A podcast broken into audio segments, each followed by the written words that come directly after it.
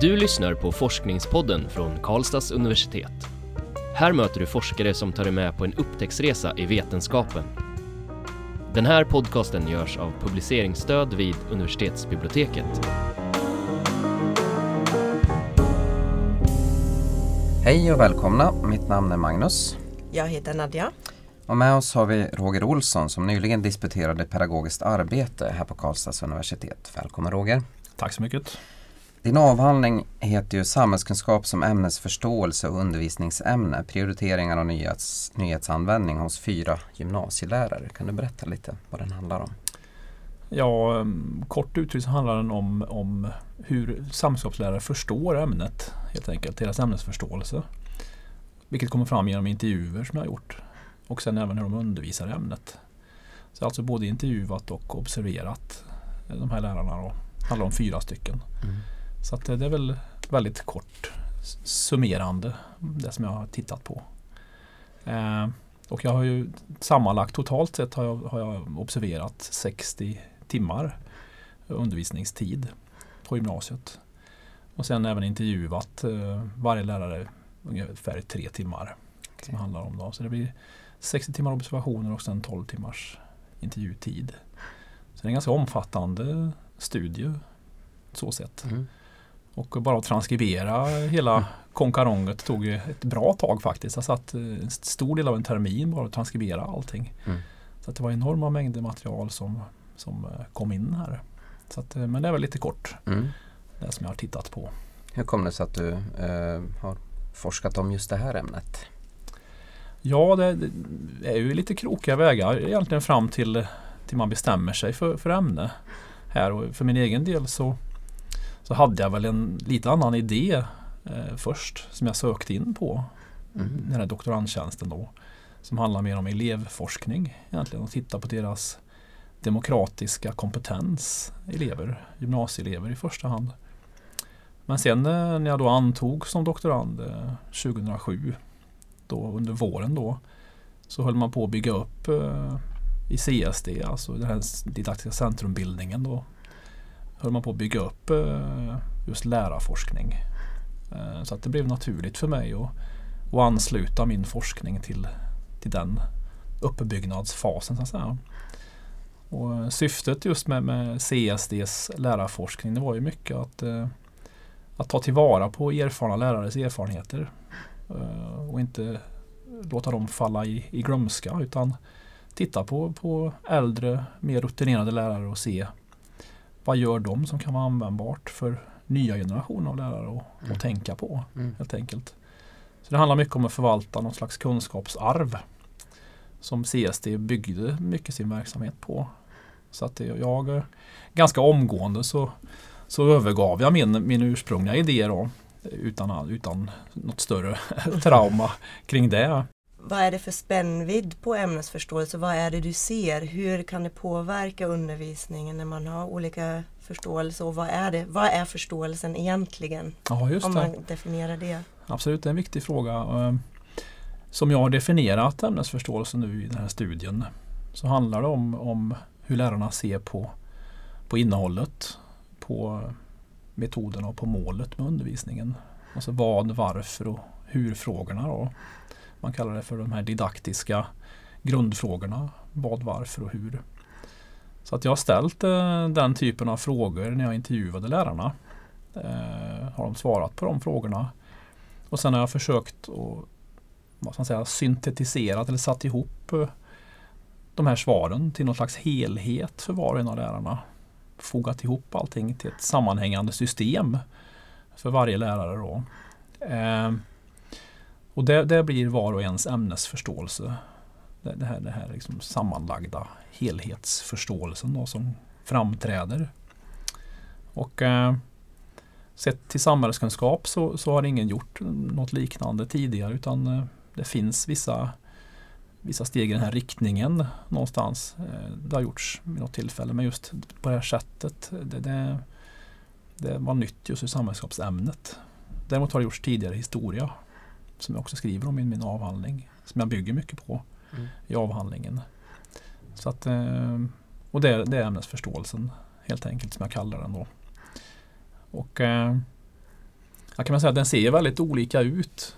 Eh, det finns mycket som påminner Alltså hos de här lärarna så, så finns det mycket likheter men också väldigt mycket olikheter i hur man förstår ämnet. Och eh, Det är ganska intressant med tanke på att de här fyra lärarna använder samma kursplan när de undervisar. Det här var ju innan reformen 2011. Så då hade ju både yrkesförberedande program och studieförberedande program samma kursplan. Eh, och mot den bakgrunden så är det intressant att se hur, hur olika tyngdpunkt som finns egentligen hos de här lärarna. Hur olika profil man får på ämnesförståelsen.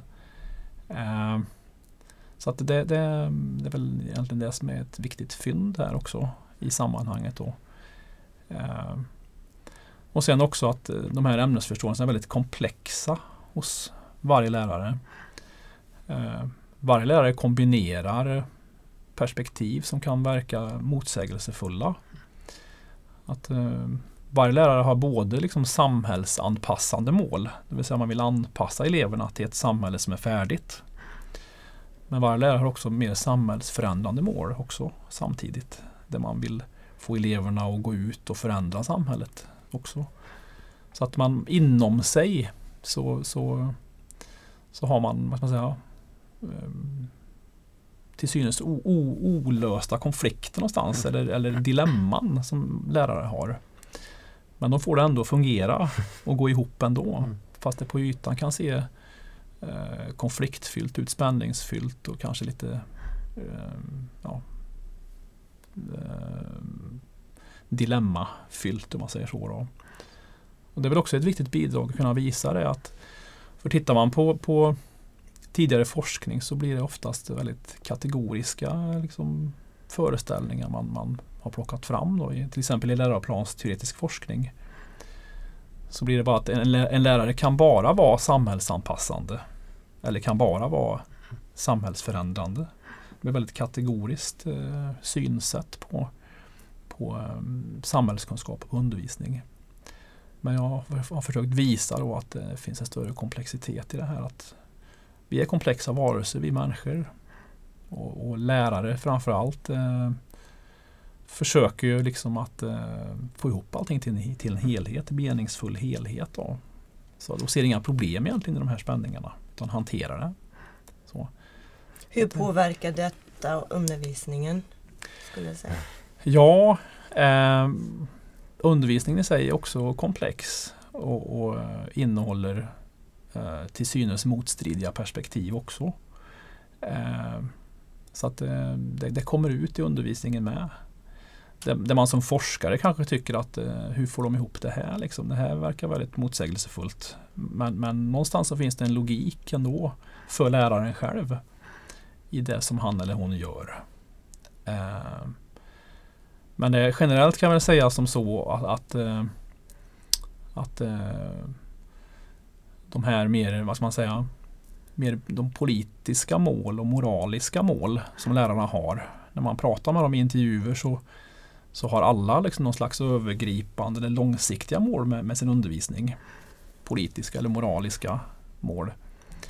Eh, men när man sen undervisar så ser jag att det finns en tendens att de här övergripande målen blir lite osynliga i själva undervisningen. Mm. Och det är också ett viktigt fynd här. Eh, Betyder det att kursplanen är det som liksom guidar dem mer än, än den liksom egna övertygelsen? Eller hur, hur ska man förstå det? Ja, det, det är en intressant fråga det här. Som man behöver titta lite närmare på. Mm. Men, men eh, någonstans så har jag väl en, en eh, förklaring. Jag pratar om att lärarna i klassrummet kommer att fokusera mer på bedömningsbara kunskaper. Att det blir i fokus. Eh, vi har nämligen tittat på, på lärarna hur de introducerar varje lektion. Alltså vad säger man att varje lektion ska handla om egentligen? Har tittat extra på när man startar upp med eleverna. Och då eh, är man mest fokuserad på de här kortsiktiga målen. Idag ska vi lära oss vad inflation är eller Idag ska vi titta på det här med domstolssystemet eller vad det nu kan vara. Man säger inte så att vi idag ska vi göra det här därför att vi ska bli mer aktiva samhällsmedborgare som tänker eller gör i, någon, i en viss riktning eller så. Va? Eh, de, de, den typen av introduktioner ser man inte så ofta utan det är mer det här kortsiktiga. kanske lite mer faktabetonade eller färdighetsbetonade. Men det här politiska och moraliska, de målsättningarna, de, de eh, hamnar lite grann i skymundan. Så där finns det ett glapp emellan lärarnas ämnesförståelser och vad som faktiskt kommer ut i undervisningen på den punkten. Och det är spännande.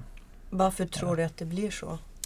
Ja, dels som jag sa så tror jag att det kan handla om att man, man, eh, man har fullt upp med att liksom ta sig igenom bedömningsbara, betygssättningsbara kunskaper. Tror jag. Och sen så kan det också handla om att, eh, att det är en del förgivettaganden kanske som lärare har. Att man tar för givet att eleverna har det här större sammanhanget klart för sig. Vilken funktion som varje enskild lektion fyller i ett större sammanhang. För, för lärarna själva kan det här vara väldigt tydligt och medvetet kanske men, men, men, men kanske någonstans ett förgivettagande i det här. Att man tar det för givet att eleverna själva kan läsa in det här och förstå det större sammanhanget. Du har tittat på nyhetsanvändning i din studie också. Ja. Hur kommer det sig att du har valt att fokusera just på användandet av nyheter i undervisningen? Ja, det, det är också en spännande eh, fråga där. För att jag kommer ihåg så tydligt första, mitt första besök, i mitt, min, min första fältdag så att säga, på fältet då hos en, en, lärare som, som förekommer i inledningen på avhandlingen. Lisbeth kallar jag henne. Eh, och jag satt mig, jag slog mig ner i klassrummet där och eh, sträckte fram den här diktafonen som jag då spelade in allting med. Då. Och hon, hon kör igång undervisningen och jag märker att det är enormt mycket nyheter som, som kommer ut. Mm. Hon har ju järnkoll den här damen då. Som var lite till åren. Hon har säkert gått i pension nu. Jag tippa. Hon hade järnkoll. Och jag kände själv att oj, här får jag inte ligga på latsidan själv. Så att jag, jag, kom hem sen efteråt och sa till min fru att slå på tvn. Jag, jag måste kolla nyheterna liksom. På med radion kasta mig över text-tv och allting. För att jag skulle vara ute länge på fältet. Mm. Så jag tänkte att eh, ska jag ha en chans att hänga med någonting här så måste jag verkligen skärpa mig. Mitt eget liksom, nyhetsinhämtande här då. Så det var en liten chock. Så. Mm. Eh, så att jag märkte ganska omgående att nyheter har en väldigt stark eh, ställning i undervisningen. Går det att säga något om skillnaden på alltså, ny, nyhets, att använda nyheter eh, kontra att mer traditionellt utgår från läromedel och så? Vad, vad, vad, får det för effekter så att säga? Ja, det är väldigt tydligt också när jag var ute att eh, traditionella läroböcker används i väldigt liten utsträckning hos de här fyra lärarna. Eh, var bara hos någon egentligen som jag, jag, såg dem väldigt sällan framme i klassrummet, läroböckerna. Utan det bygger mycket på, på internet. Man bokar upp sig i datasalar och sådana saker. Och man hämtar ur nyhetsflödet information och så att eh, just i samhällskunskap så tror jag att nyheter har en särställning så gentemot läroboken och traditionella läromedel. Så att eh, jag har ju tittat på olika typer av, av nyhetsanvändning också. Då. Mm. Eh, jag märkte ganska omgående också att, att lärarna hade det som jag kallar för nyhetsbevakning. Det vill säga man går igenom nyheter i början på lektionen kanske under en kvart eller 20 minuter. Och sen så ägnar man sig åt så kallade den ordinarie undervisningen inom citattecken. Så det är som en avgränsad del där mm. som man viker åt eh, nyhetsbevakning. Och jag märkte det också med tiden när jag analyserade det här att, att de här stunderna då av nyhetsbevakning att eh, där kunde lärarna ta ut svängarna mer politiskt och moraliskt. Och det blev som en 15 minuter, 20 minuter av moral och politik lite grann. Och så bockar man av det och sen går man sig in på de här mer formella kunskaperna i den ordinarie undervisningen då. Så det var som en kanal för lärarna där man kunde Lärarna kunde vara mer normativa, man kunde ta ställning och sådana saker. Så det, det, så det, det mm. Skulle du säga att det här är ett av de viktigare resultaten i avhandlingen att du pekar på, på den, eh, det som nyheterna gör för att liksom förändra formerna för undervisningen. Och så. Jag tror att det är en viktig, ett viktigt fynd det här. Mm. Och, eh, nyhetsbevakning omtalas vid tidigare studier. Så det är inget nytt fenomen så för forskningen men det är ingen som har djupstuderat eh, vad som händer egentligen i klassrummet när man har det här inslaget. Men, men eh, och, eh, så att det, det, det, är väl lite grann en, en, det finns ju en tradition kring nyhetsbevakning också. Hur man då efter kriget någonstans i de utredningar som gjordes om skolan när man pratade om samhällskunskap så hade man en avsikt att man skulle ha nyhetsbevakning just från politiskt mm. håll. Och det skulle just vara en, en sån här ö av karaktärsfostran pratar man om då. Gärna av moralisk och politisk art. Som man uttryckte det i utredningarna då. Eh, som en kontrast till den mer intellektuella undervisningen. Mm. Och Det var ju ett sätt också att ge eleverna större inflytande och att de skulle få höras och vad tyckte de om samhällsproblem och vad tyckte de om nyheter. Så det handlar ju om elevinflytande också här någonstans. Det här inslaget då.